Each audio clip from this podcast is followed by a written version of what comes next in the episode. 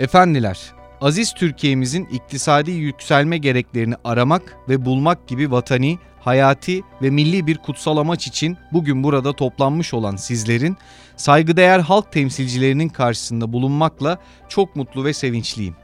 Efendiler, uzun ihmallerle ve derin ilgisizlik ile geçen yüzyılların iktisadi yapımızda açtığı yaraları tedavi etmek, tedavi çarelerini aramak ve memleketi bayındırlığa, milli bir rahatlığa, mutluluğa ve servete ulaştıracak yolları bulmak için gerçekleşecek çalışmanızın çok kıymetli ve başarılı sonuçlara ulaşmasını dilerim.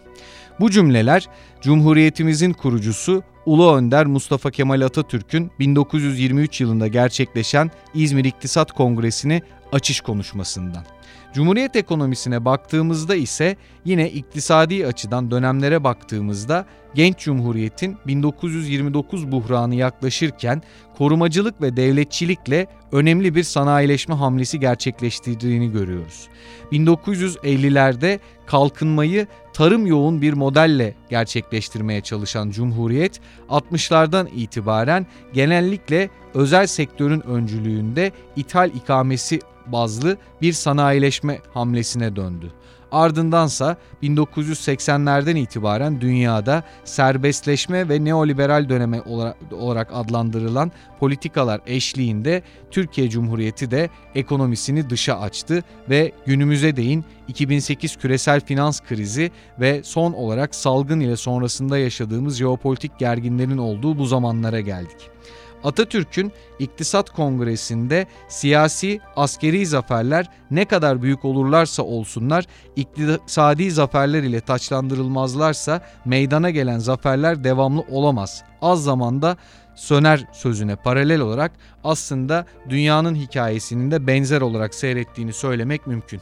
Nitekim bugün gelişmekte olan ülkeler, gelişmiş ülkeler ve geri kalmış ülkeler diye sınıflandırdığımız ülkelerin mazilerine de baktığımızda dünya tarihinden miras alınan karakteristik özelliklerle beraber bilime ve toplumun tamamına yayılan refaha önem vermeyen ülkelerin ya da ülke gruplarının bugün politik ve ekonomik anlamda çok istikrarlı olmadıkları görülebilir.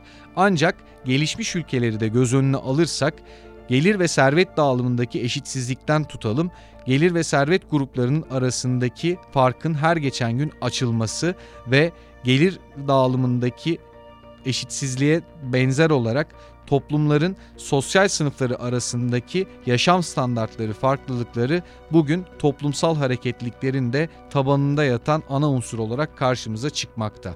Türkiye için bakacak olursak da savaşın bitiminin ardından bağımsızlığın kazanılmasının iktisaden ve toplumun refahına etki edecek çapta genişlemesi için Cumhuriyet'in ilk yıllarından itibaren özellikle eğitime yatırım yapıldığını ve Türkiye'nin önemli bir eğitim hamlesini 100 yıllık geçmişine baktığında önemli ölçüde geliştirmeye çalıştığını görüyoruz. Kişi başına gelirlerin Cumhuriyet'in kurulduğu yıllardan itibaren neredeyse 10 kat arttığını söyleyebilsek de bugün Türkiye 100 yıllık geçmişiyle çok daha önemli ve çok daha yüksek seviyelerde bir ekonomik refah seviyesi ve kaliteli eğitim standardı yakalama hedefinin peşinde halen koşuyor.